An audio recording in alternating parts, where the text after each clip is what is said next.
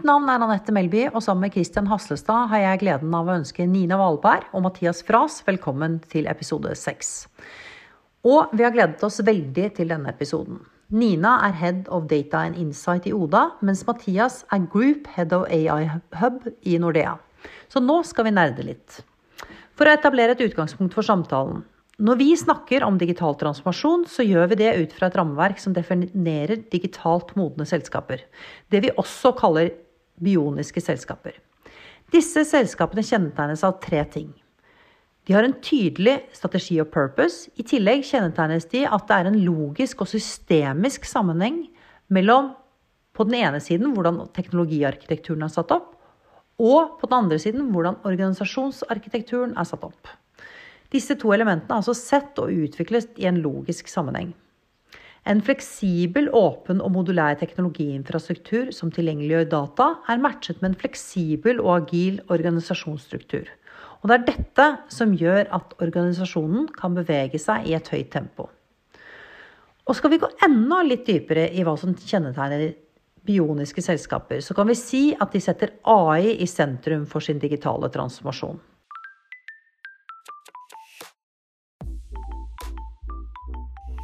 Og for å følge opp det der, Anette, for det, det har vi gleda oss virkelig til med dere nå i dag, Nina og Mathias. Å nå virkelig dykke ned i og forstå rollen til data og AI i det hjulet som Anette du beskriver her.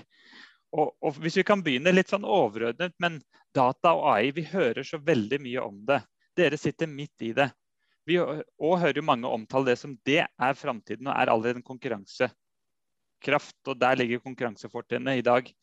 Hvorfor er det sånn? Hvorfor er data og AI så viktig? For å begynne litt der. Vi skal begynne med deg, Nina.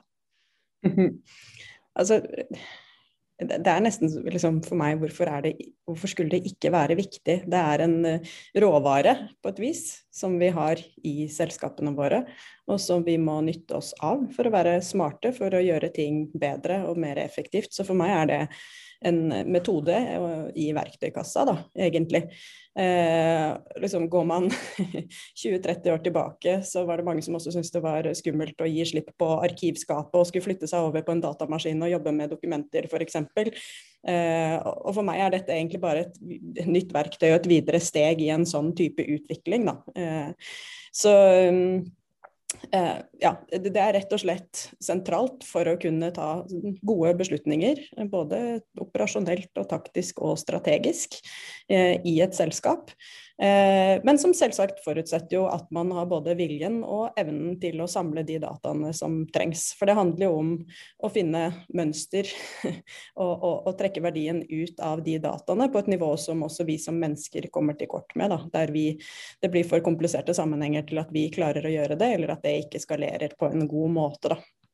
Så, så, det handler jo om disse datagenererende arbeidsprosessen, og hvordan du kan automatisere kognitivt arbeid på toppen av det, da, på en måte som skalerer. Eh, kanskje forklare det litt, litt avansert, men allikevel litt enkelt. Takk for det. Det er en veldig fin måte å sette, det i, eh, sette, ord på det, som du sier her, Nina. Og Det gleder vi oss til å høre enda mer om også. Mathias, innledende sånn perspektiv fra din side her?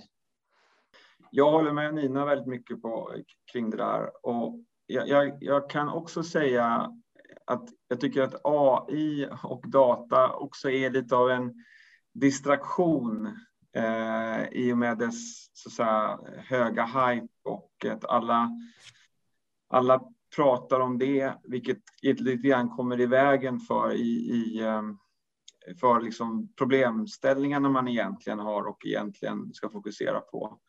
Vi, vi, eh, vi har gått igenom eh, den fasen kan man säga de senaste åren, kanske kommit förbi den här värsta hypefasen nu där vi, där vi slutar ha workshops, eh, AI-workshops, vilket vi hade för några år sedan där man skulle försöka fokusera på teknologin snarare på de problem man, man har. Jag tycker vi har kommit bort lite från det men fortfarande är det en fråga vad, vad, vad, vad kan man då? Vi har ju använt data i alla tider, men nu ska vi då använda data på ett nytt sätt. Eh, och förstå, komma till någon typ av insikt att, att vi, kan, vi kan använda analytics för att här, skapa, skapa insikter, skapa hypoteser, eh, skapa problemställningar och sen kan vi bygga lösningar med hjälp av eventuellt machine learning, AI, men oftast är det andra tekniker för att lösa de problemen. Eh, men eh, jag tror liksom själva mindsetet kopplat till, till data och att använda det på ett, lite, på ett nytt sätt för oss då som, som, en, eh, som, en, som ett gammalt företag är liksom en, en, en stor utmaning. Um, och uh, ja, att komma förbi den här initiala hypen är, är, är också är väldigt viktigt och svårt. Mm. Är det, eh, alltså, um særlig deg, da, eh, Nina, som jobber head to head med, med, med etablerte eh, altså, Dere konkurrerer jo mot dagligvareaktører bl.a. Og særlig spesielt dagligvareaktører. Hva, hva, tenker dere denne satsingen på data og AI gir dere som eh, og, og hvilken risiko er det for de som ikke satser? Kan du si litt om det?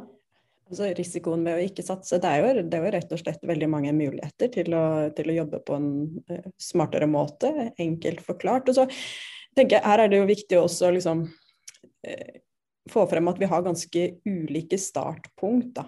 Det å jobbe i Oda det kjennes på mange måter ikke som å jobbe i et dagligvareselskap. Jeg føler ikke at jeg på et vis er i dagligvarebransjen, og det høres kanskje helt merkelig ut fra utsiden. Men jeg føler at jeg primært jobber i et liksom, teknologi- og logistikkselskap. Det er kjernen i det vi gjør. Det vi snakker om at vi gjør, det er å eh, skape rom til livet for eh, kundene våre. Eh, mm. gi mer rom til livet. Eh, at du kan slippe å ta alle de turene på dagligvarebutikken, eller for andre ting også, som vi har begynt å selge i tillegg. Eh, og, og, være smartere og hjelpe kundene våre å planlegge på en bedre måte, sånn at de har mat på bordet. Mm. Enkelt forklart, da. Så vi prater jo mye mer om dette, hvordan kan vi gi rom til livet. Og for å komme dit, så har jo vi ende-til-ende-kontroll for teknologien vår, som er bygget internt. Det gjør at vi har veldig gode data, for det er laget av utviklerne og kollegaene som sitter på pulten ved siden av, og som også forstår hvordan vi skal bruke de dataene, og at det ikke er stor distanse der. Um, vi har eh, fra starten av jobbet kryssfunksjonelt på tvers av disipliner, og ikke sitter i ulike siloer eller avdelinger på den måten. Uh, og har jo også nytten av at vi har vært utfordrere som gjør at liksom, tankesett tankesettet og også hvilke type folk som har blitt med i selskapet, eh, gir oss et ganske annerledes utgangspunkt. da. Eh, så det tror jeg er kanskje verdt å ha med seg eh, inn her. Så når folk snakker om digitalisering, så er jo ikke det et tema som vi snakker om internt. Vi er jo på et vis, som du sa, liksom født digitale da, på et eller annet vis. Eh, og det er jo selvsagt veldig befriende, da. Det er jo en av de tingene som jeg tror er tiltalende for mange som kommer inn. Um, og så er det jo liksom evne til å se de mulighetene og ta i bruk den teknologien der det er rett. Uh, det er ikke lenge siden vi hadde et tilfelle hvor vi så på en del av uh, prosessen vår på lageret, eh, som er knyttet til hvordan vi plukker varer. Og vi så at her hadde vi behov for å forbedre, basert på data hvor vi så hvor problemet lå i den arbeidsprosessen. Og hadde data scientists som jobbet med det problemet for å både forstå hva som foregikk og hvordan vi kunne løse det problemet, men ender opp med å løse det med å egentlig endre noen eh, Endre bare grunnleggende logikk og ikke putte en maskinlæringsmodell inn. Så det handler jo om at de ulike fagfeltene også ikke bare ser eh, spiker fordi de sitter med en hammer, men også klarer å eh, tenke hva riktig løsning er for riktig problem. Og på samme måte så har vi jo eh, utviklere som ser at her bør vi kanskje koble på en data scientist, eller her bør vi tenke at vi skal bruke en algoritme for å løse denne logikken eller gjøre denne prosessen smartere. da. Hvis jeg kan bare, det, jeg, Annette, bare hoppe inn på den, for det med logistikk og det er noe som jobber selv mye med. og Hvis jeg hører det, så er det jo en utgangspunkt til å få en høyere plukkeffektivitet, som var inngangen til det dere hadde som mål der, Nina? Var det det? Det var rett og slett en slags eh, flaskehalsproblematikk, egentlig. Ja. Eh, det er jo veldig mye av det vi gjør i det som handler med plukk hos oss. Det er jo, ligner mye mer på industri, egentlig, enn det ligner på en vanlig dagligvarebutikk. For, for det er også sånn Her syns jeg det er veldig spennende hvis du har noen ord rundt hvordan jobba dere da faktisk sammen? For helt klart, det her er jo hvordan er det vi evner å gå utover siloer og virkelig mm. trekke på den tverrfunksjonelle kompetansen som ligger der. Og, og praktisk, hvordan jobba dere sammen? For helt klart, her er det jo og, og, som jeg hører litt, er at da er jo at alle kan ha et tverrfaglig syn på hverdagen deres. Men det er ikke mm. lett. Og hvordan er det dere interessert i å høre litt mer hvordan praktisk dere gikk inn i det eksempelet du nevnte der? Mm. Det er jo rett og slett fordi vi har organisert oss i sånne kryssfunksjonelle team, hvor vi har liksom delt opp helheten i små, eh, små, deler som et team kan eie fra ende til ende. Så vi har liksom produktteam, som vi kaller det, som eier et domene. Eh, og det kan være et eh, domene som er ofte enkelt å forklare, er jo distribusjon f.eks. Så alle støtteverktøy og prosesser knyttet til distribusjonen vår. Da. Det at man tar disse kassene, og så kjører man en rute og leverer det til kundene våre. Og da har vi et delivery team som er ansvarlig for alle de prosessene og støtteverktøyene, og eier dem. Og så må vi jo sikre at det delivery-teamet det er satt opp med den kompetansen de trenger for å løse alle problemene innenfor det domenet de eier fra ende til annen.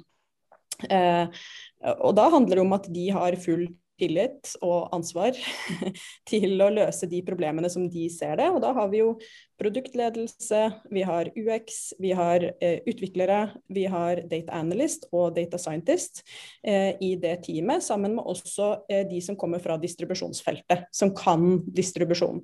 Eh, og de jobber da sammen i team. Og sånn er egentlig hele selskapet satt opp, stort sett. Eh, I hvert fall veldig, veldig store deler av det, hvor vi har den kombinasjonen. Og Det betyr at de her menneskene med ulike disipliner eller fagbakgrunner, de kjenner hverandre godt. De kjenner domenet også godt. Eh, og vet når de skal bruke hverandre og koble hverandre på, og er heller ikke større enn at det fungerer fungerer. ikke altså, Det er en gruppe som kanskje maks er 10-12 personer, et sånt team. Kanskje ned til 5-6 personer. Eh, og Hvis man klarer å sette opp disse teamene sånn at de er 100% autonome får vi de aldri til å være med så stor endringstakt sånn som vi har nå, men eh, relativt autonome. Sånn at mengden koordinasjon med resten eh, begrenses, da. Og så må vi bare sikre at vi har et felles bilde på hvor vi skal. på toppen av det. Eh, hva er det vi skal oppnå, hva er viktigst for, for oss akkurat nå, da. Akkurat, men Det er jo veldig spennende til det du nevnte rundt agil organisering av dette. Jeg vet Du er jo lidenskapelig og opptatt av der. og Det er flott beskrivelse, Nina. og det, det hører jo at der har vi, da kan vi se for oss en lagermedarbeider, en, en, en som plukker, jobbe dag til dag med en eh, UX-designer eller en, eh, en dataingeniør for å virkelig løfte opp og, og, og, få ut den flaskehalsen. Det er det du setter ord på, og Nina, Det er jo ganske imponerende med hvordan det er en autonomi i å kunne løse hverdagsproblemene på tvers av så på en måte ulike fagfelt. da. Ja, og det, og det er klart det jeg tror jo f.eks. datainnsiktsorganisasjonen hos oss er nok større enn det den er en del andre steder, selv om vi også snakker om at vi ønsker å gjøre folk selvbetjente og få til mest mulig selv, og skalere også datainnsikt smart, så, så, har vi jo data analyst sittende i såkalt embedded, som vi kaller det, eh, ut i alle domener. Og vi har jo også desentralisert eierskapet for data som et ledd i dette her, fordi vi, vi ikke tror at en sentralisering av data som råmateriale skalerer på en god måte. Da ender man opp med en sånn type bestillerorganisasjon og sitte i en backlog og vente, for vi er avhengig av å jobbe fort og løse de problemene som oppstår fort. Og da eh, har vi den tilliten og ansvarliggjør ut. Så det betyr at dette delivery-teamet, som jeg nevnte som et eksempel, de har også ansvar for ende-til-ende data innenfor knyttet til distribusjon. Så det er de som transformerer og gjør dataene tilgjengelig for analyse på tvers av hele selskapet i vårt felles innsiktsverktøy, og også er ansvarlig for å se etter mulighet for å skape verdi basert på data. Og det kan være f.eks. at de nå har bygget en modell for å predikere hvor lang tid bruker vi på hvert stopp når, de, når, vi kjører rutene våre. Og Det er viktig å bli god på for å kunne legge gode planer for disse rutene, sånn at vi også kan gi riktige anslag til kundene våre om når vi kommer. Og Da er det ganske stor forskjell på å levere hos en som bor i sjette etasje på Grünerløkka, hvor det er vanskelig å parkere, og du må gå trappene med alle disse varene, kontra en som har huket av for bare sett utenfor døren, og du kan rygge helt opp utenfor en enebolig eh, i et område som har god plass plass til å parkere, da. Og den type eh, Altså identifisere den type muligheter, da. Det sitter jo i det teamet, hvor vi bare sikrer å ha da riktige folk på de riktige domenene der, der de mulighetene ligger, og gi dem tillit og ansvar. Veldig, veldig spennende. Og jeg må jo si um, uh, gitt at jeg Du har jo, Nina, også Du kommer jo fra Skipsted-systemet. Og Mathias, du sitter jo Og, og i Schibsted er jo legacy eh, eh, som er på en transformasjonsreise. Riktignok kommet et stykke fordi man ble truffet så tidlig. Men, eh, og bank er jo, også, er jo også egentlig truffet relativt tidlig av disrupsjon. Men fortsatt så er det en ganske annen reise eh, transformere disse etablerte selskapene til å bli ikke bare datastøttet, men datadrevet. Mm. Eh, kan ikke du, eh, når du hører Nina, hva tenker du, Mathias?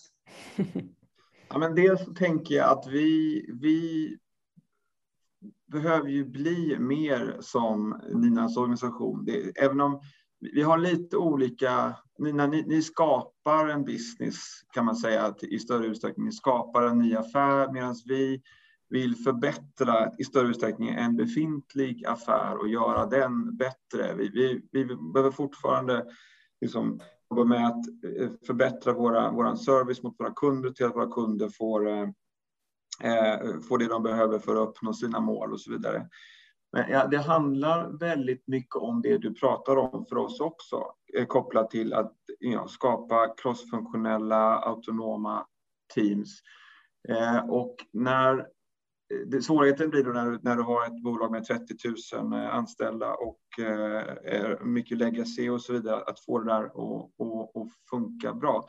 Men jag tycker att vi har, vi har lärt oss Eh, eh, genom några bra exempel på hur det kan funka när du, när du dels sätter, sätter ihop teams som, som, som du nämner med, med liksom eh, olika typer av kompetenser och funktioner, gör det nära affären och ger dem så en, en, riktning och sen kör du. Och ett, ett exempel som jag lärde mig mycket på, det var någonting vi gjorde för några år sedan, i, faktiskt i norska livsällskapet eh, eh tillsammans med Randi som då var vd där. Och där vi tittade på en, en, en claimsprocess, eh, för, för, alltså en, en försäkringsprocess. Eh, så om du, om du jobbar på Statoil så blir du skadad så har du, har du en försäkring så du kan få en utbetalning. Och det var liksom en process som var väldigt, den tog lång tid eh, och var mycket manuella steg och mycket manuella, så säga, mänskliga beslut på vägen. Och eh, då tittade vi på den först och så sa vi så här, ja, hur kan vi förbättra den här processen? Ja, vi slänger lite robotar på den och vi slänger lite andra verktyg på den. Eh, och, så, och det var kan man säga helt okej. Okay 10-20 procent till och med, 25 till och med kanske man skulle kunna få ut om man gjorde det bra. Eh, men, så, men sen så, så, så sa vi så här, nej, men om, om vi säger så här, om vi, vi ändrar på frågeställningen och ställer frågan så här, vad skulle krävas för att göra den här processen instant? Vad skulle det krävas för att göra den här på en dag? Och då händer det grejer. Då, då behöver du tänka liksom på, på andra sätt. Och det var liksom en, för mig var det lite av en, en aha moment. Eh, det här var några år sedan nu, men just att ja, då måste du, då måste du, göra, du måste tänka helt annorlunda. Och, och då kommer de här verktygen och datan in på ett helt annat sätt och du får liksom en annan Ja, då, får, då ställer du rätt frågor egentligen då. Och eh, det var ju helt omöjligt, eh, tyckte många då. Men Eh, men för stora delar av den processen så, så lyckades man till slut att skapa liksom för majoriteten av de här eh, ärendena en, en process som tog en dag genom att använda datasmarter, genom att eh, använda några liksom enkla verktyg som OCR, textanalys, fraud detection, algoritm och så vidare. I kombination då kunde, liksom, kunde, kunde göra det på ett helt annat sätt. Och det är liksom det mindsetet kopplat till en, liksom en, en väldigt lokalt starkt crossfunktionellt team lyckades man göra det här. Då. Eh, och det är egentligen det man vill det är det som vi egentligen jobbar med. Hur kan vi göra det fast i skala istället? Mm. Och så se till att vi, de här lösningarna vi bygger också då blir skalbara.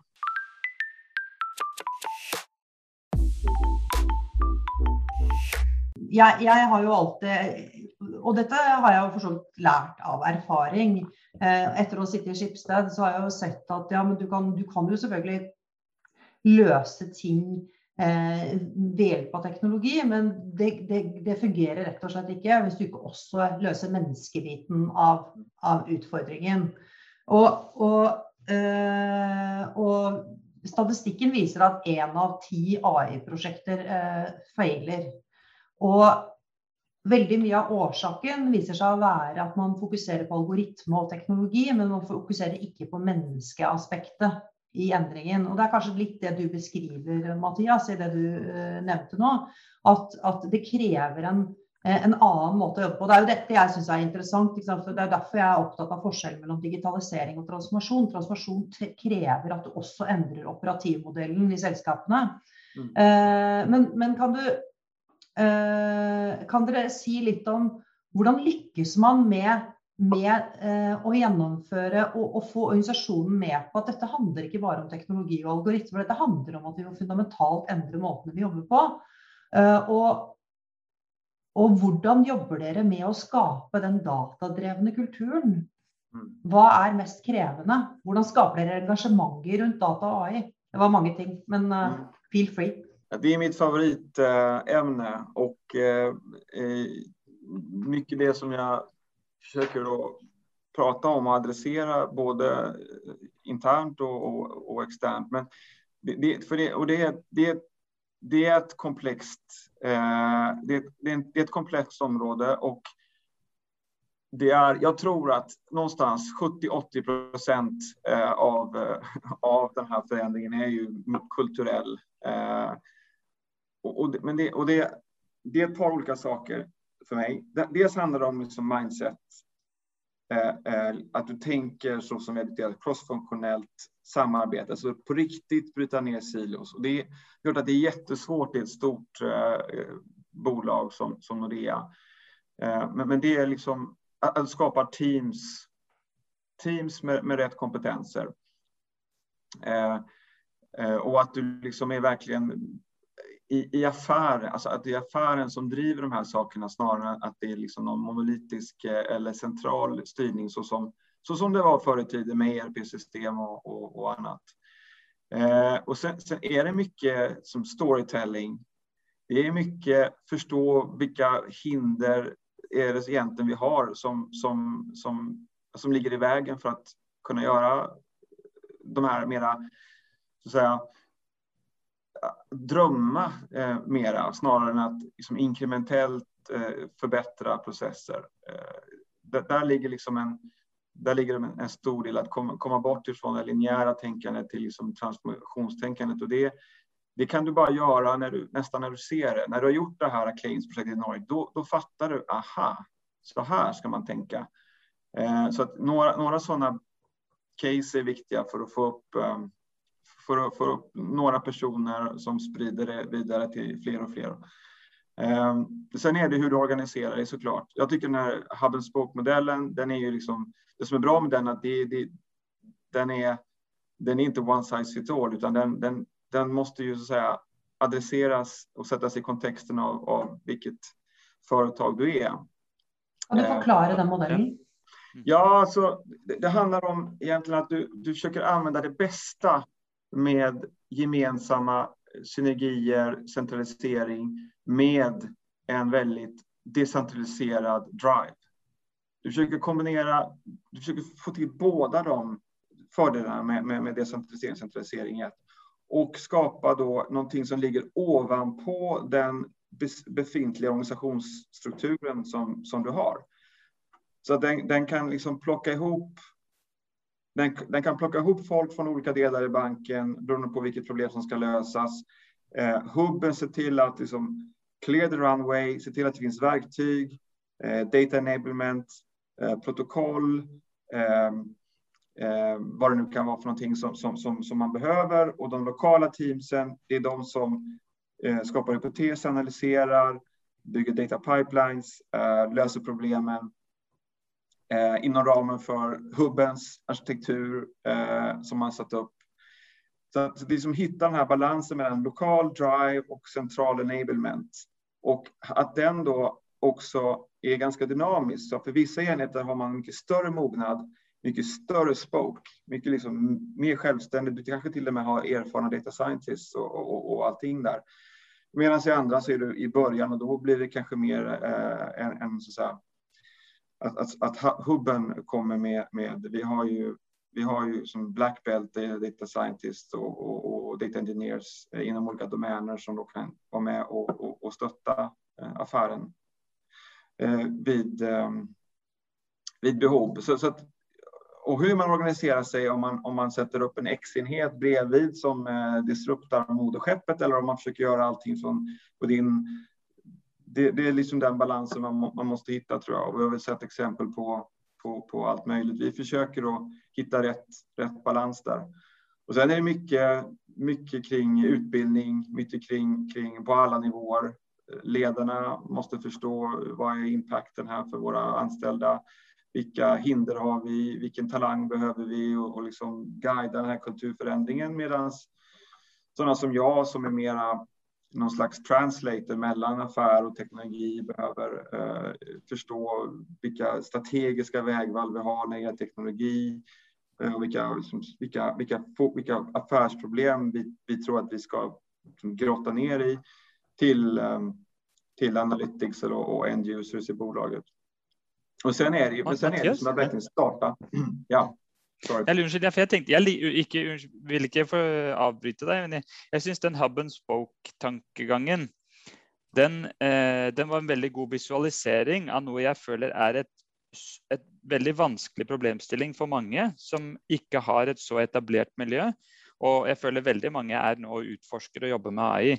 Men hvordan bygge skala rundt det, det er utfordrende. Når du bygger med en kompetanse som er begrensa, og du skal veldig bevisst da tenke hva er det vi skal utvikle inhouse, versus gå i partnerskap med, med tredjepartsleverandører også. Um, men for dere, da, for å, for, når, og du har jo vært gjennom en imponerende og lang reise med, med Nordea.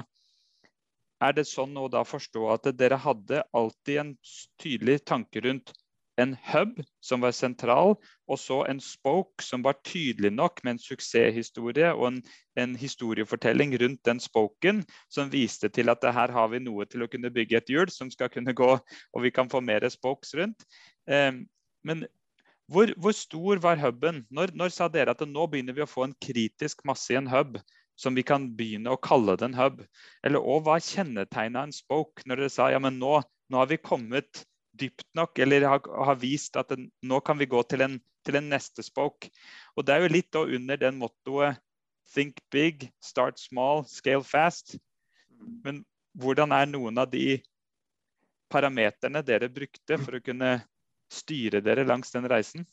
Størrelsesordner, så de lytter nå og kan få noe følelse for, uh, for det. Kan, jeg, jeg kan, så her kan man se det kanskje, at det finnes, det finns noen saker som vi vet nå vi vet at, at AI og, og, og, at det funkar. Machine learning, datadriven det funkar. Vi ser det rundt omkring oss. Vi vet også at det er liksom nye regelverk og, og etiske frågeställningar som kommer med den här nya.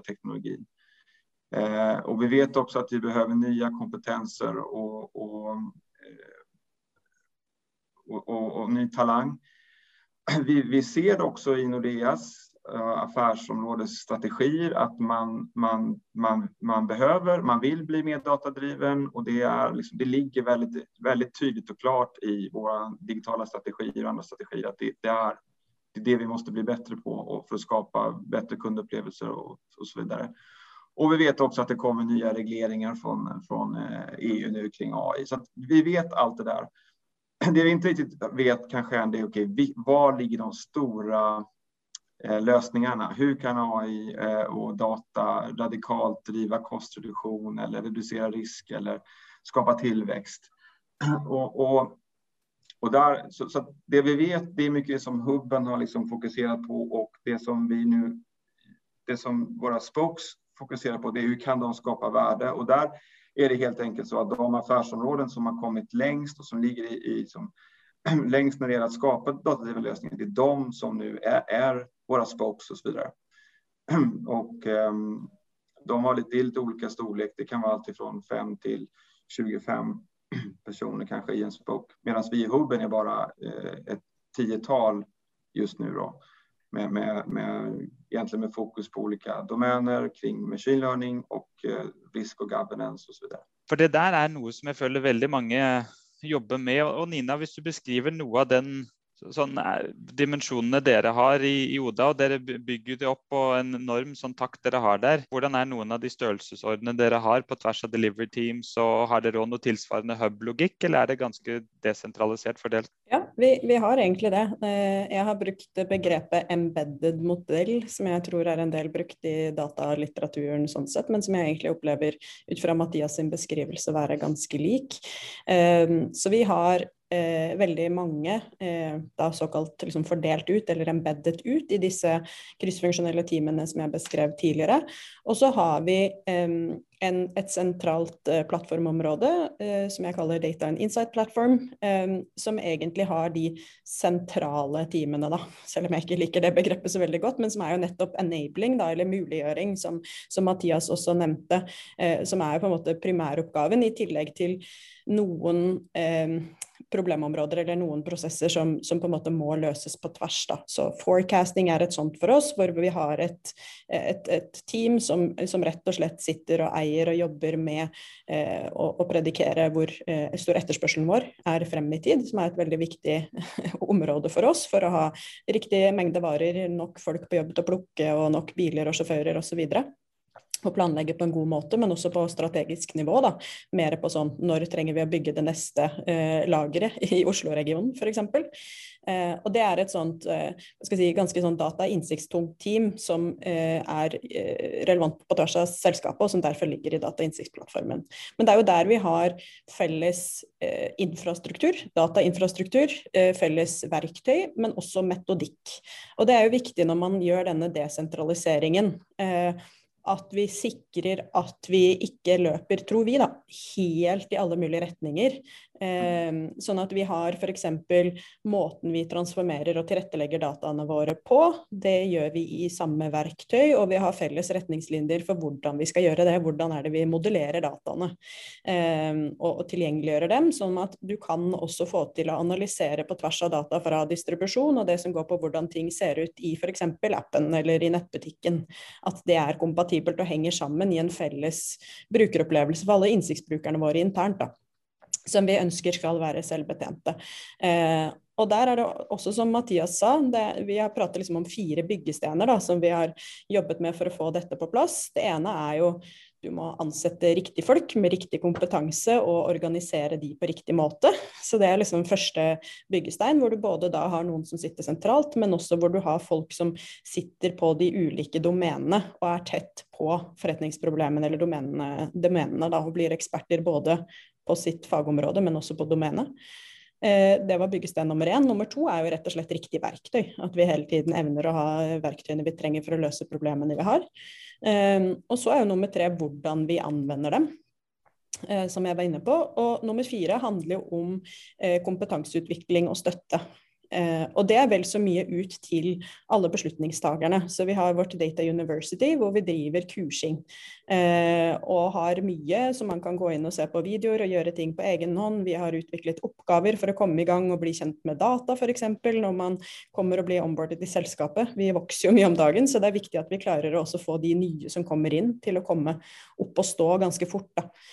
Ehm, så det er liksom de fire byggestenene vi eh, baserer oss på. Primært har vi gjort til å eh, skalere selvbetjent innsikt, men kommer til å bruke de samme for å nå f.eks. skalere eksperimentering, som vi trenger til å få, få til på en eh, enda bedre måte.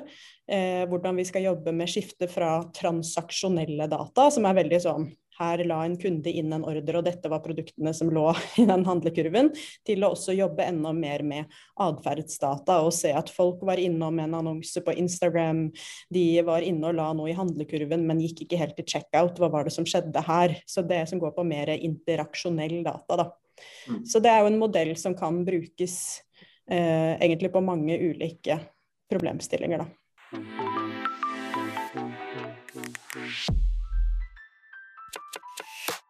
Det snakkes jo veldig mye om demokratisering av data.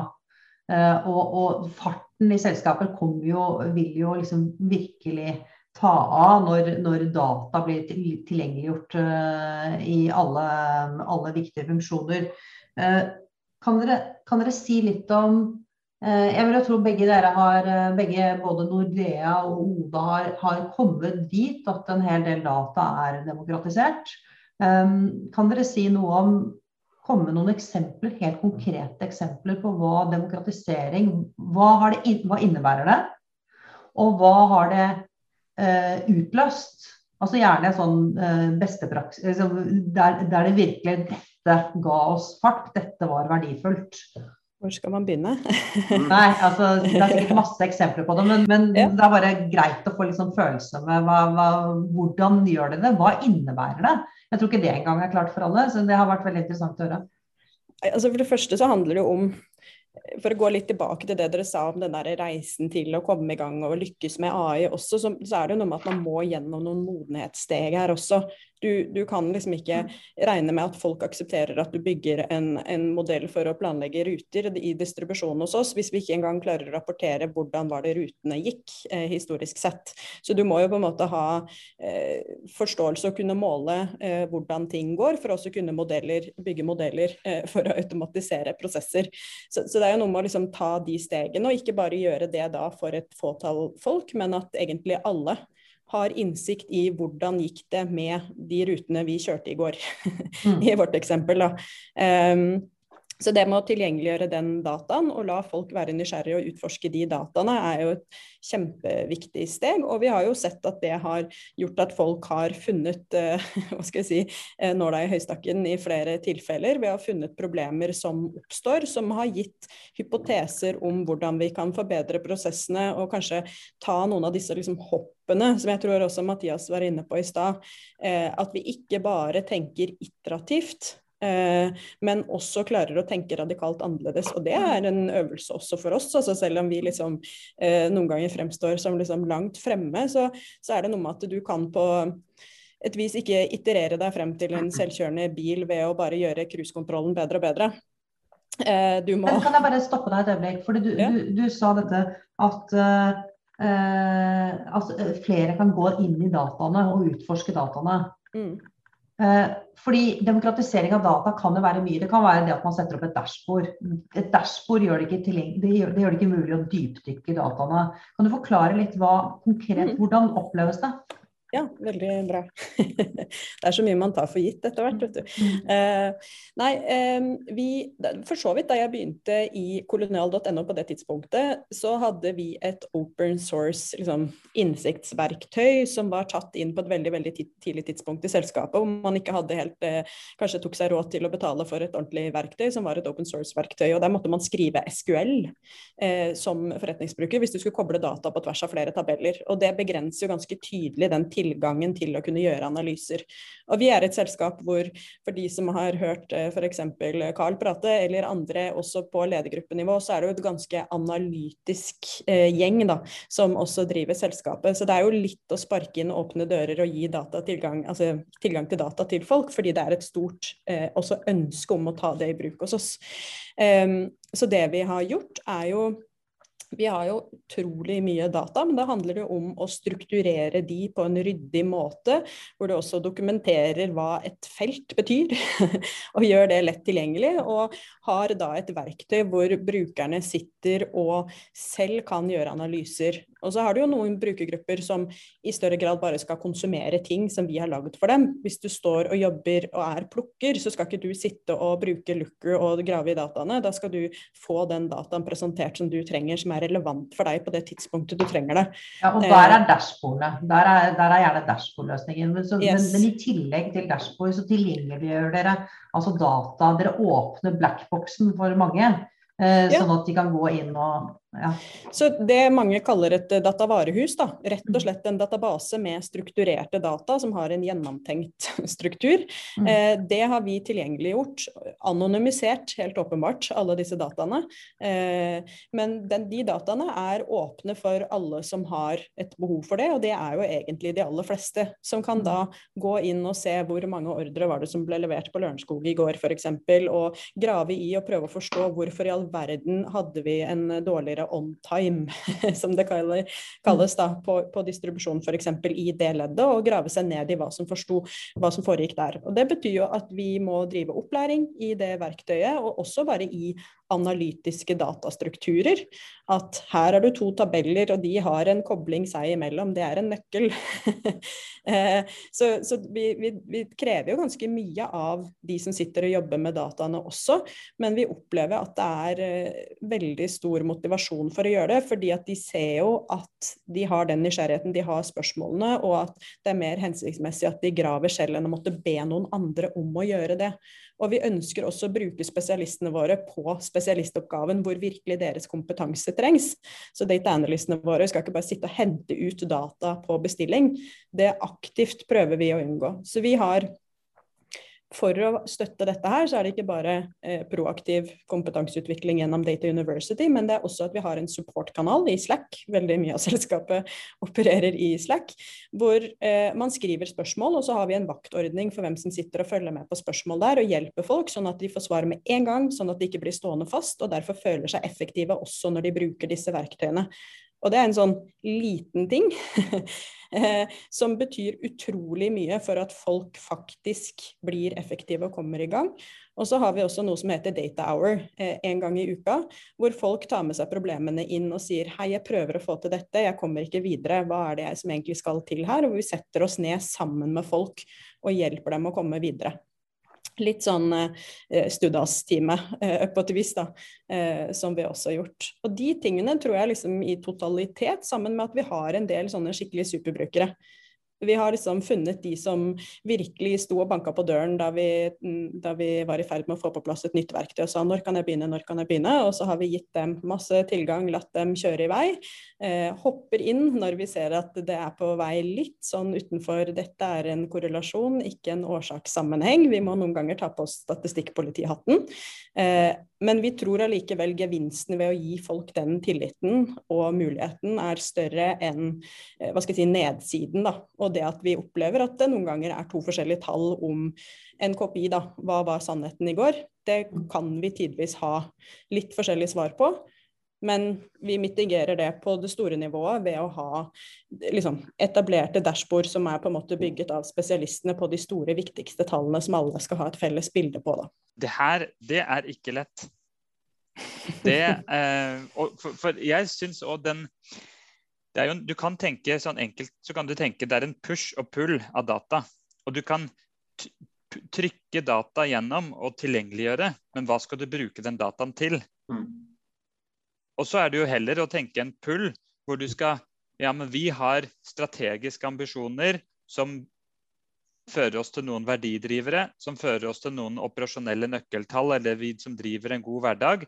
Og det er det vi skal synliggjøre av tilgjengelig data. Men da bruker vi et forretningsmessig link til. Og du beskriver egentlig en litt sånn kombinasjon av både push og pull her, Nina. i forhold til at det er å tilgjengeliggjøre all slags data, men ha en god struktur rundt og kunne da navigere det datalandskapet rundt om Data Hour og Slack og alt det du setter ord på.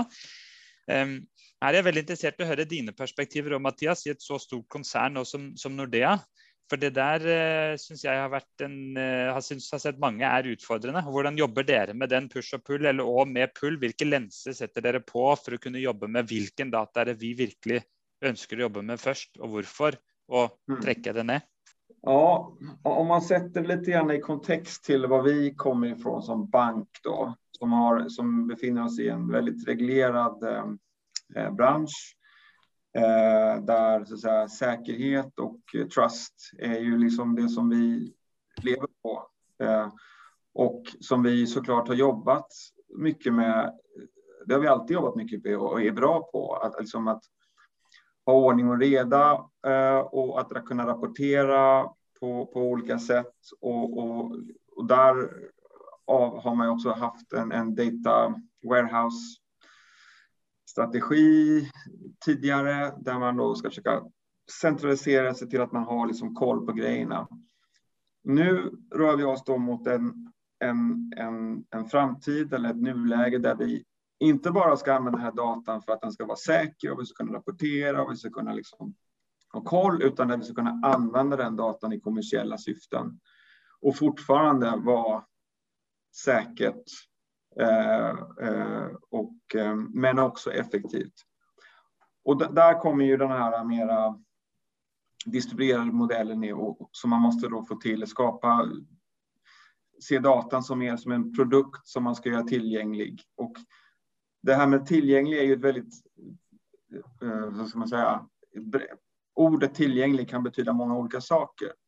Och jag tror att där är liksom en sån här key learning att det, det hjälper inte att man gör data tillgänglig, utan du måste kunna göra den verkligen konsumerbar för de som sitter i affären och ska använda den till att dels bygga insikter, förstå problem, men också kunna då bygga uthålliga data pipelines som ska kunna föda de här eh, modellerna eller algoritmerna eller vad, vad, det kan vara för någonting. Och där, det, det är, som en, det är, en, det är en, till viss del en helt ny liksom, förmåga som man, som man skapar där.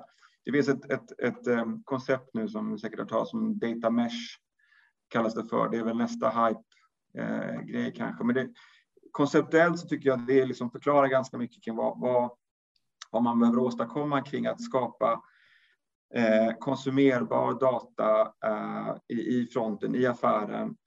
Till exempel om man pratar om eh, eh vi kan ta ett exempel som eh, ett churn-projekt som vi kör. Hur ska vi kunna förhindra att kunderna lämnar oss och vår bolåneaffär till exempel? Då, du, du, kan ta fram en, en, en, en modell för det. Det är liksom det enkla jobbet att ta fram en, en första modell. Men hur, hur kompletterar du dem, eh, de eh, outputen från den modellen, det vill säga sannolikheten att en kund lämnar inom ett halvår eller fyra månader med annan typ av data för att se hur ska du adressera, hur ska du, hur ska du så att säga approchera kunderna som eventuellt eh, löper en högre risk.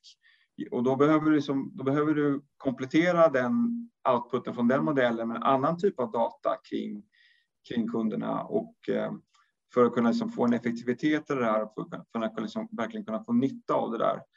Så det blir liksom en, och egentligen så tekniskt sett så är det inte här så komplicerat, men, men tankemässigt och eh, governance-mässigt så är det liksom en, en, en utmaning.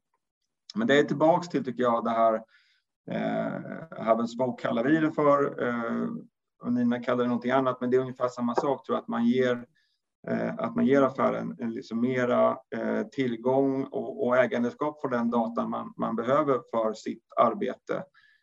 Ehm, ehm, helt enkelt så att man, man, man kan jobba med den. Att den inte ligger i någon monolitisk centraliserad eh, databas utan man verkligen får ut den. Och, och det, det tenker jeg er jo Vi har jo også brukt det er jo denne data mesh-tankegangen som vi også har basert oss på når vi har desentralisert mye eierskap. Og det var jo også fordi at vi så Ettersom vi vokste som selskap altså Da jeg begynte i 2019, så var det 20 stykker i produkt og tech.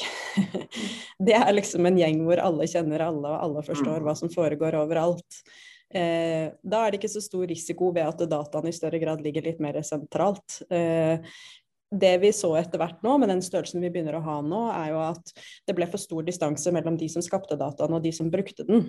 Den tok veldig mange veier, og det er jo egentlig det jeg tror du også er litt inne på der. At vi ønsket å så, således få utviklerne som skaper dataene, selvsagt også sammen med data analystene og de andre som har en rolle i å være med på å tenke hvilke data vi skal samle, og hvilke data vi trenger det, det, å lukke den loopen og ha hele den loopen på en måte innenfor samme gruppe, i den grad man får til det, det er veldig veldig kraftfullt. For da vil du også begynne å samle nye data som du trenger mye raskere, og også forbedre kvaliteten. Og også eh, på en måte finne de mulighetene som ligger i det, potensialet i de dataene innenfor det området hvor du også skal skape verdien, hvor ansvaret for den delen av domenet ligger.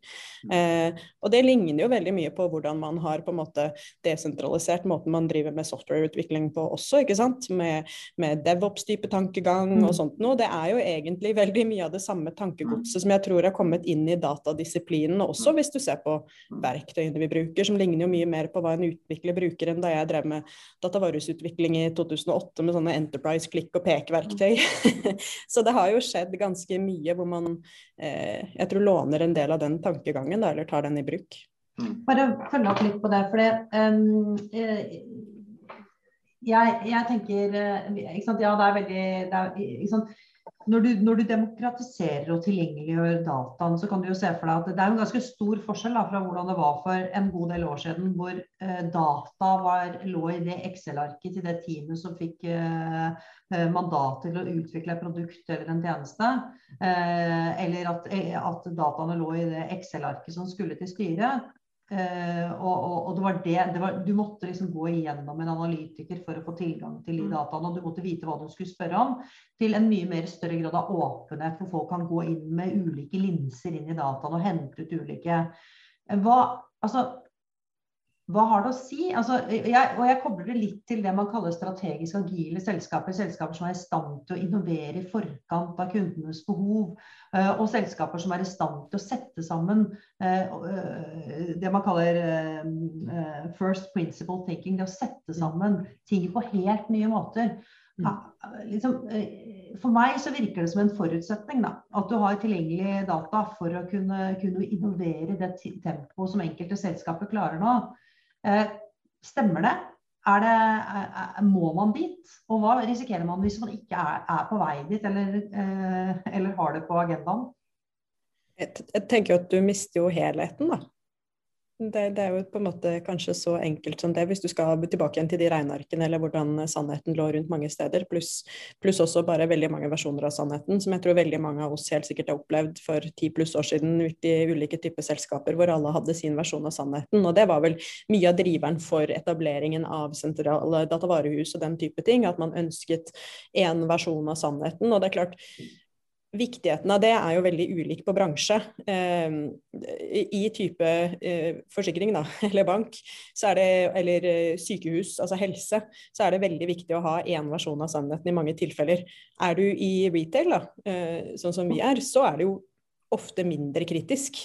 Eh, at du treffer akkurat på det tallet du har. Selv om med mer modenhet og mer automat, eh, automasjon, så krever det jo på en måte mer og mer eh, presisjon der også. Men, men, vi er jo på en måte mer opptatt av fart i, i retail enn av nøyaktighet i ganske mange tilfeller, da, kanskje i motsetning til sånn som finans og helse. Mm. Eh, så det er jo veldig bransjeavhengig her, vil jeg si, også da hva du trenger, men også kunne nyansere det på hvilke use caser eller på en måte hvilke bruksområder. Da. Sånn at jeg, jeg vil jo tro at uh, hva man presenterer på forsiden når man kommer inn i en kundeportal i en bank f.eks., det at man anbefaler noe, en artikkel uh, som ikke treffer helt, det er jo mye mindre kritisk enn at man ikke klarer å rapportere riktig kapitalbehov til Finanstilsynet. Definitivt. Men det, men jeg tenker det er et eller annet med når du tilgjengelig i, i den gamle verden, da, der det kun var liksom det dedikerte innovasjonsteamet eller produktutviklingsteamet som fikk tilgangen til data og styre, så får du jo den kreative kraften fra disse individene bare. Mm. Mens når du åpner opp på tilgjengelige mm. dataene, så, så, så, får du en, en, eh, en eh, potensielt sett da, en, en, kreativitet at scale, kan du si, i, i, i selskapet. Eh, er det merkelig Merker dere det? Dere, merker dere at demokratisering av data eh, gjør at dere får en raskere fart og blir, eh, blir mer dyktigere til å innovere?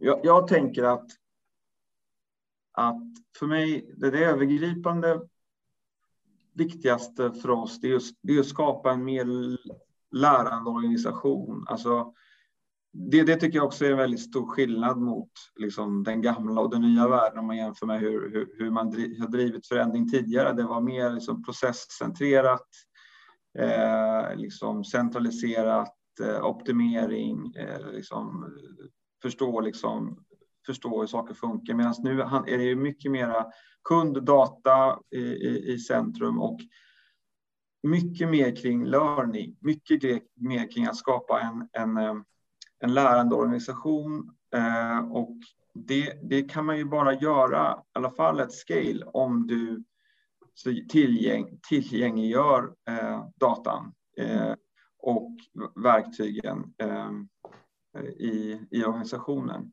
Det, det, är väldigt mycket, tycker jag, kring att um, jag, jag, uppfattar ibland att man försöker sätta, sätta sig ner och förstå hur kommer, hur kommer banking, försöka förutse hur, bank kommer se ut i framtiden och, och, och så där. För mig är det nästan liksom lite, det är fel fokus egentligen, utan försök att förutse hur det ser ut idag istället med den datan du har och, och förstå hur, hur saker fungerar idag. Och det, det, där, det är det man vill komma åt. Jag tycker mig se det i några av de projekten som, som vi har kört när vi har liksom lyckats få till det kring kanske kring churn eller kring chatbots eller annat där vi verkligen har fått en, en, en decentralisering och en drive i, i lokala affärs, eh, nära affären.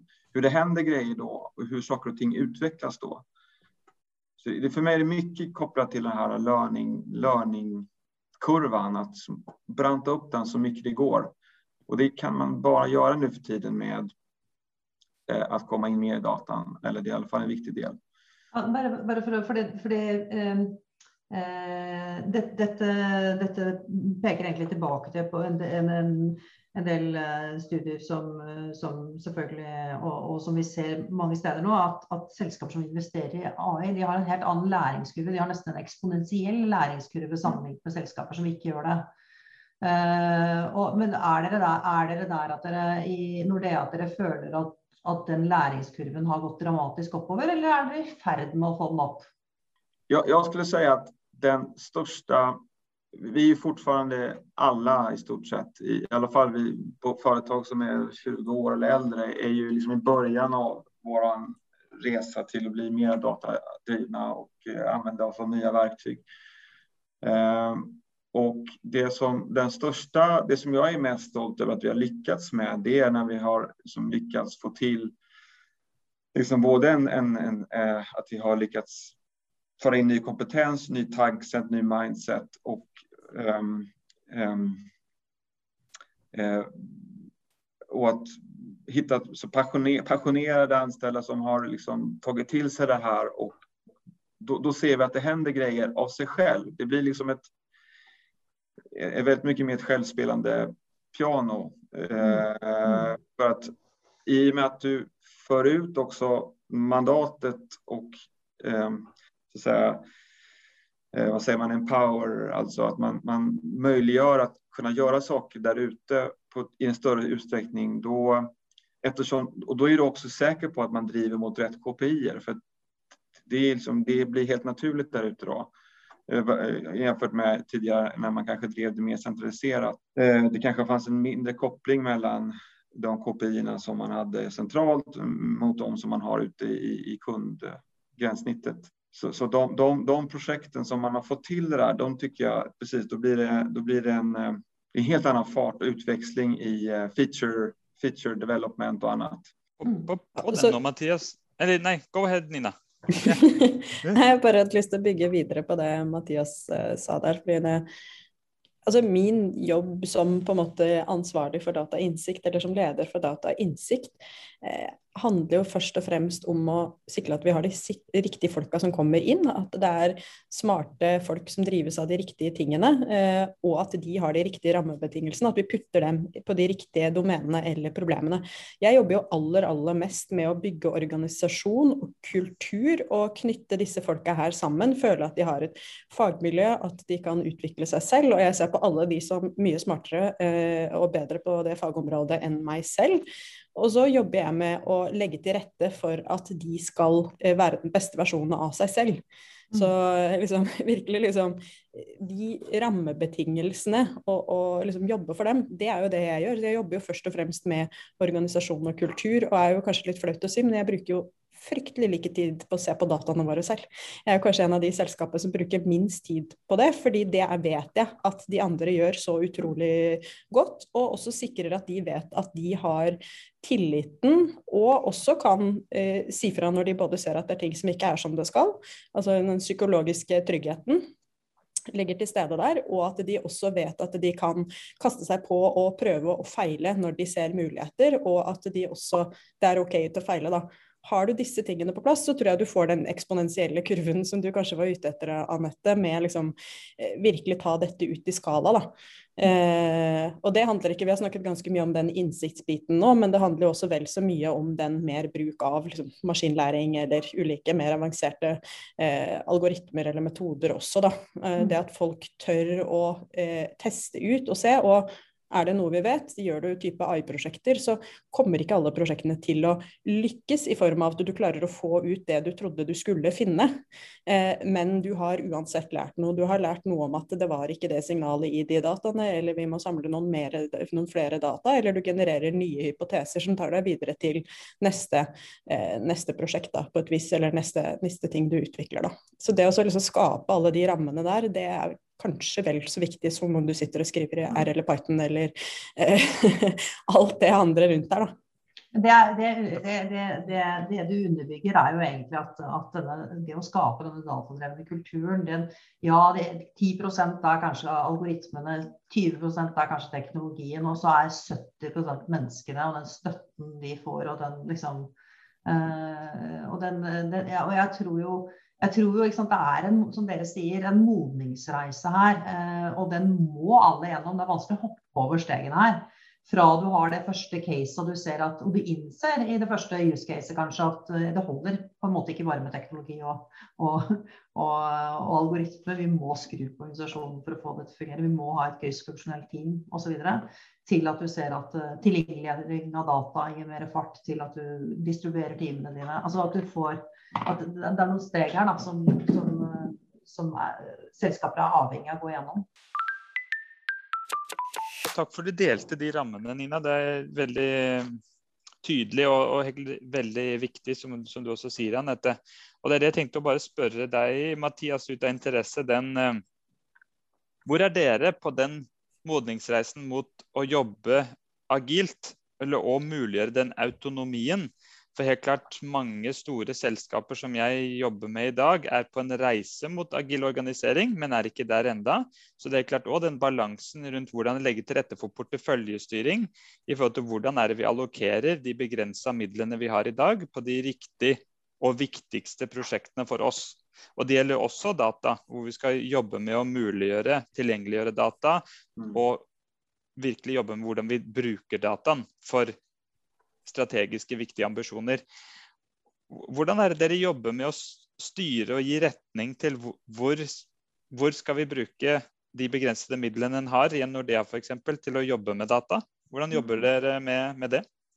Om man tar, tar frågan kring, kring agilt arbetssätt och så vidare så har vi eh, gjort det några år. Eh, det är olika i olika delar i banken men, men inom stora delar så är man ska jag säga, ganska mogen när det gäller agilt arbetssätt och det passar väldigt bra in i, i, i det vi försöker göra med data och AI. Um, ehm, så vi har liksom bra, väloljat liksom maskineri kring uh, liksom våra, våra tåg och våra teams och så vidare. Så det, det, det funkar väldigt bra skulle jag säga i stora delar. Utmaningen är ju att om du har välfungerande team men de jobbar på fel saker så blir det ju ändå inte bra, eller det blir nästan värre för då kan du gå åt fel håll. Och jag tror utmaningen, tror jag många företag som jobbar med, med olika agila setuper, stora bolag, det är ju styrningen av det agila snarare än själva execution. Och det är du inne på lite grann. Alltså, hur, vilka problem är det du ska lösa? Och jag tror där ligger ju, alltså där ligger den stora, det som kommer, det som kommer göra skillnad och som kommer liksom differentiera banker och andra företag här i det här decenniet, det, det är nog snarare, liksom, det, det är inte så mycket eh, teknologi. Alla har ju i princip tillgång till samma teknologi och alla sitter på data eller kan få tag på data, utan det är liksom vilka problem är det du väljer att lösa? Och i viss utsträckning hur. Eh, det vill säga vad ska du bygga, vad ska du köpa? Och jag tror att det, det, det är nog så att man kommer att i mycket större utsträckning använda eh, eh lösningar som redan har skapats. Men alla problem som vi har i banken idag har någon redan löst någon annanstans. i världen. Så det, det, det, det handlar om att plocka, som, fokusera på rätt saker och se till att det är det som blir prioriterat. Det är där budgeten läggs och det är det som de här agila teamen då ska jobba mot. Och de ska vara autonoma. Men problemet om man inte styr rätt, det blir att du vissa strategiska beslut måste du ta på toppen kring teknologiska vägval, plattformar, eh, arkitektur. Och det är, skulle jag säga, kanske den största utmaningen för stora bolag och från det att, att, hit, att komma rätt där. Att ta några bets på vilken, vilken plattform, vilken eh, teknologiskt vägval eh, ska vi ta och sen och sen, eh, sen kan man så säga, då har man skapat någon typ av ramar för, för de agila teamen att kunna liksom, liksom springa så fort de kan. Men liksom den, den, den att hitta rätt eh, styrning där är, är, och, och liksom teknologiska, både teknologi kopplat till verktyg men också till data och data enablers är, är ju, hänger väldigt mycket ihop här och här har vi mycket att, att jobba med och lära oss. Det tror jeg for øvrig er et sånt uh, Bare ta først du, Kristian. Nei, nei, jeg tenkte skulle si jeg så en finger, Nina. Det var, ja, ja, det var en finger. Nei, det, det, blir mange spennende tanker i denne fine diskusjonen her. Eh, en, en, ting som vi kanskje ikke har snakket så mye om, hvor vi har på en måte i større grad invitert oss inn, det er jo inn i type beslutninger på ledergruppe og styrenivå. Mm. Eh, for én ting er å jobbe med på en måte alle beslutningstakerne ut i organisasjonen, men det er fortsatt i veldig mange selskaper veldig mange beslutninger som tas uten den type struktur, noen ganger på ledergruppe og styrenivå. Så for å ta et eksempel, da, i fjor vår eh, så var det jo lockdown 11. mars, og etterspørselen vår skøyt i taket eh, helt voldsomt. Vi hadde ikke kapasitet til å levere det vi skulle, og da dukket opp ganske mange store spørsmål som hvor mange av disse vi tar inn ekstra, folk som var eh, permittert fra andre typer hotelljobber osv., hvor mange av de skal vi tilby fast arbeid, eh, i form av hvor langt tror vi denne økte etterspørselen hos oss kommer til å vare? Hvor lenge tror vi det kommer til å være stengt ned? Hva har det å si for for hvor lenge kundene kommer til å bli hos oss. Kommer alle til å gå tilbake i fysisk butikk? Skal vi åpne et lager nummer to så fort vi kan, eller skal vi vente på den originale planen vi hadde om at det åpner en gang om litt over et år? Og Da ble vi bedt om å gjøre en del analyser for å se på etterspørselsutvikling, men det vi også så, var at de diskusjonene som foregikk, de manglet eksplisitte forutsetninger. Og det å tvinge frem eksplisitte forutsetninger og ha ordentlig struktur rundt den type store beslutninger, som har liksom million- eller milliardbeløp på seg, eh, det er et område vi har også beveget oss mer i. Og da har vi brukt liksom beslutningstre-metodikk, hvor vi også har tvunget frem eh, ulike forutsetninger, og så har vi testet dem med å tidvis også f.eks. simulere.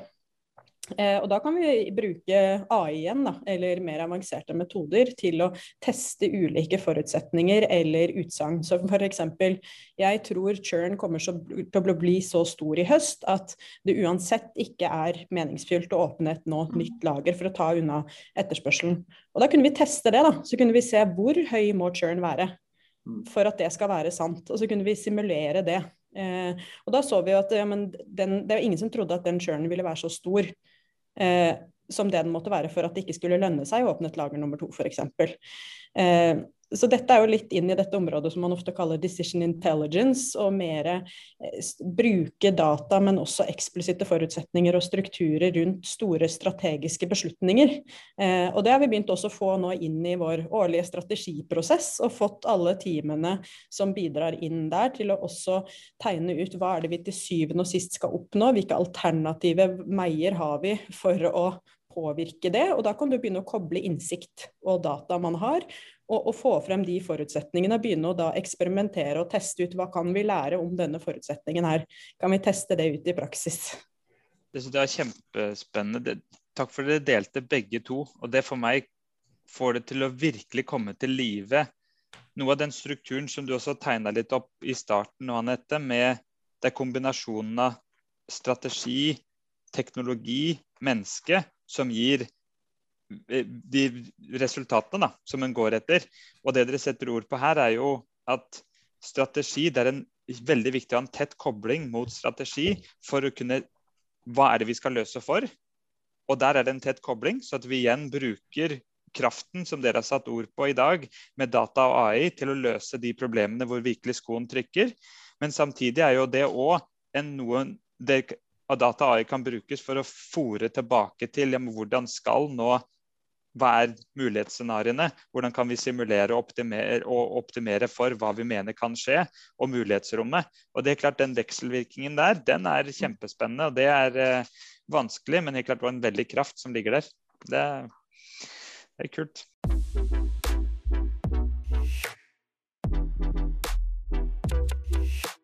Hvilke sånne store prosjekt er det som, som, dere har eh, Hva er det liksom neste steget, dere, neste utfordringen dere tar tak i?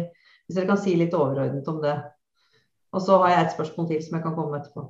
Ja, altså, det er jo mange ting vi har lyst til å gjøre, men jeg tror en av de liksom større eh, tingene som jeg jobber med nå, litt sånn modenhetsmessig, eller hvor vi skal, er jo litt det jeg så vidt var inne på i stad, med at du kan ikke bare iterere deg frem til bedre løsninger, hvor du legger liksom litt AI på toppen av den brukeropplevelsen du har i dag, med å la oss si vare vi tror vi, du trenger nå, som er en sånn personaliseringsfeature i, i appen, at vi gjør den litt og litt bedre, men at vi også må tenke radikalt annerledes. Og det vil jo egentlig si at du putter AI i sentrum.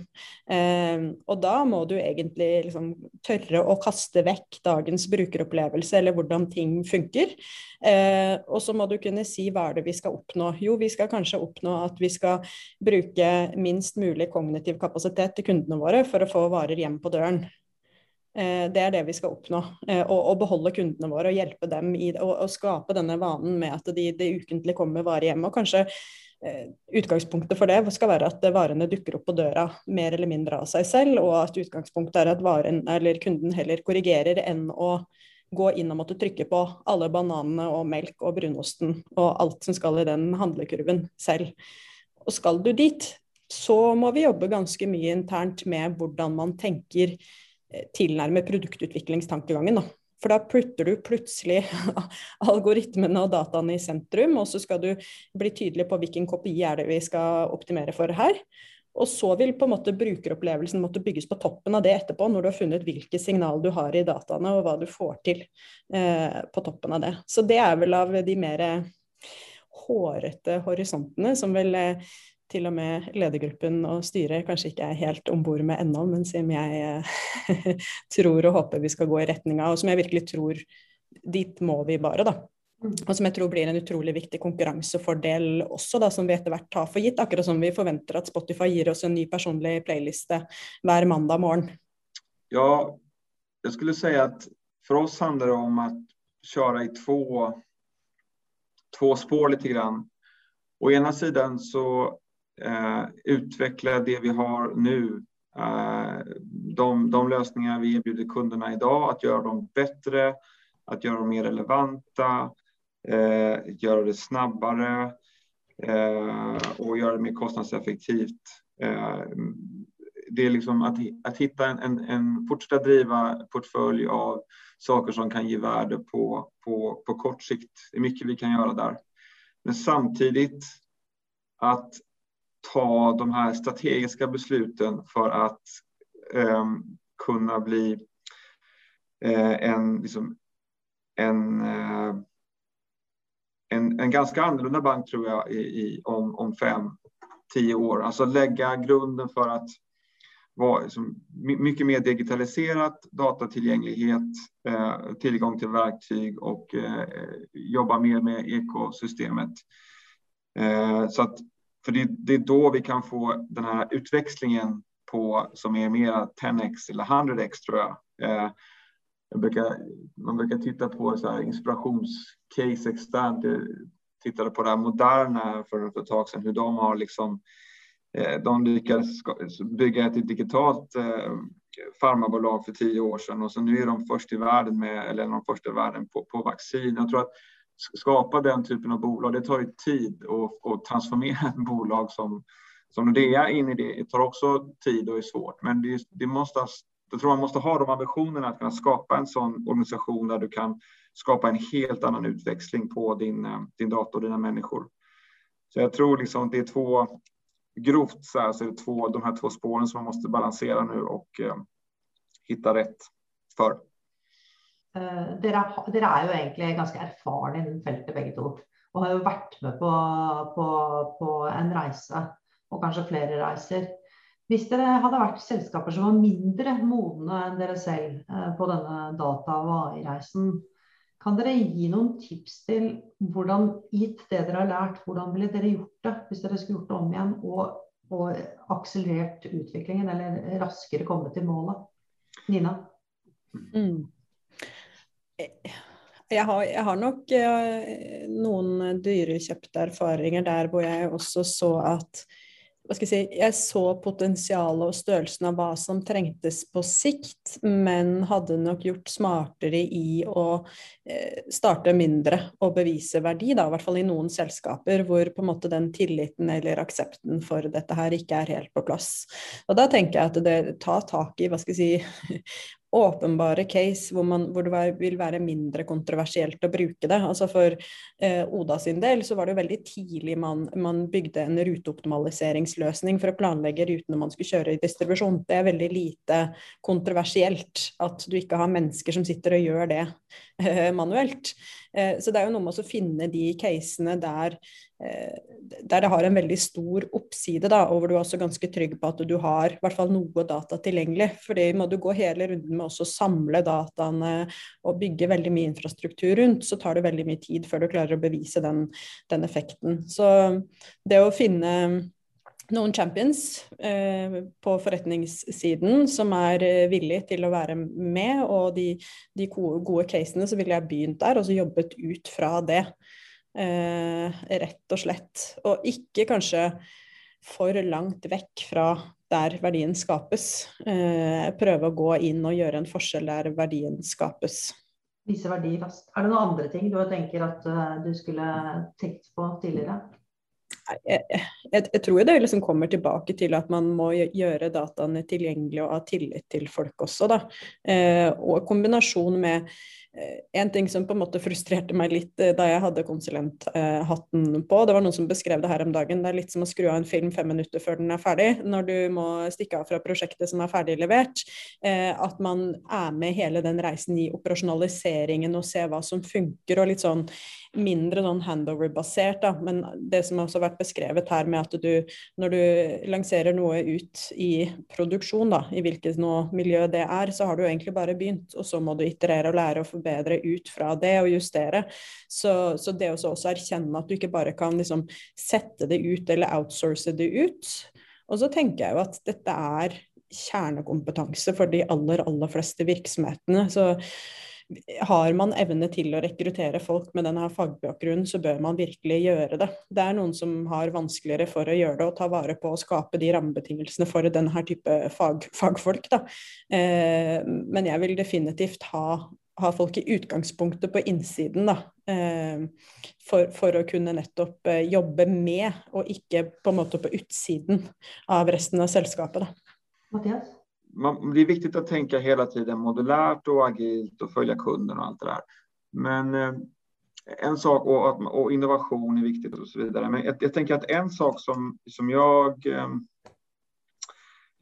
kunde gjort, eller som, man, man, kan tänka sig att man kan bli bättre på, framförallt kanske som större bolag, det är att man Även om man är innovativ och även om man får till liksom en mer tillåtande så att säga, eh, atmosfär eller kultur för att liksom göra misstag och lära sig så tror jag att det är nästan ännu viktigare att bli jävligt duktig på att lägga ner eller ändra sånt som inte fungerar. Alltså att, att kan du få en effektivitet i att ta bort, lägga ner, justera det som inte funkar så har du mycket vunnet. Alltså du frigör väldigt mycket kapacitet och du blir... Um, jag tror det är, snarare det kanske än, än själva... Om man säger att man lyckas med en, en av tio eh, så är mycket av, av, av vinsten där, det är hur bra du hanterar de här nio som inte lyckades.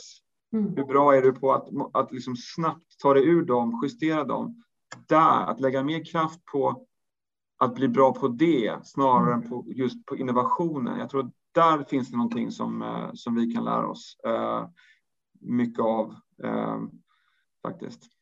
Støttes. imponerende engasjerende sånn å høre det, den dype erfaringen dere sitter med. Og hvor heldige vi er å kunne samle dere to også i dag. Så jeg vil også bare si fra min side virkelig stor takk. Det var en kjempespennende start på, på dagen her. Ja, det var veldig eh, kul og veldig interessant å høre de her eh, to ulike Vi har jo to ulike foretak, Nina. Men, mm. men jeg, syns det finnes mye spørsmål som er, som er like ändå. Mange utfordringer ja. som er liknende. Helt klart. Og også, jeg tror mye av tankegodset også ligner mm. ganske mye. Men det handler jo mye om hvordan man gjennomfører det i praksis og tilpasser det til den konteksten man er i. Som jeg tror er mm. der det som skal til for å lykkes her. Og mm. takk for en fin samtale. Mm, takk. Kristian, det, dette var jo en spennende samtale. Hva, hva, var det du eh, hang deg opp i? Hva var det du, du merket deg i samtalen som ga, ga god innsikt, eller, eh, eller som kanskje er representativt for hvordan folk jobber med med data og AI? Det var mye, Anette. Jeg syns det var en veldig, veldig engasjerende, spennende, spennende episode å høre fra Nina og Mathias. Det som nok henger igjen hos meg, det er hvordan du kan bruke Så AI må være tett kobla til strategi. Hvilke forretningskritiske spørsmål er det vi skal løse, og bruke AI til å hjelpe oss løse for?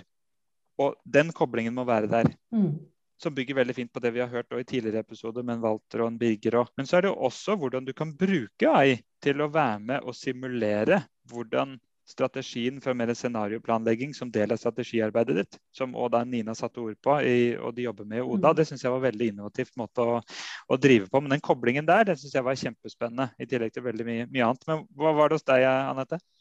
Nei, det, det var flere ting. Men, men Eh, altså det var litt rundt modningen av, eh, i arbeidet med, med, data og AI. Hvordan, hvordan, det var tydelig at både Oda og Nordea har startet De startet jo lite når de begynte å satse på data og data analytics. Og vi startet med et lite team som satt sentralt i organisasjonen. Og etter hvert som teamet vokste, så har de desentralisert og spredt datakompetanse ut i organisasjonen.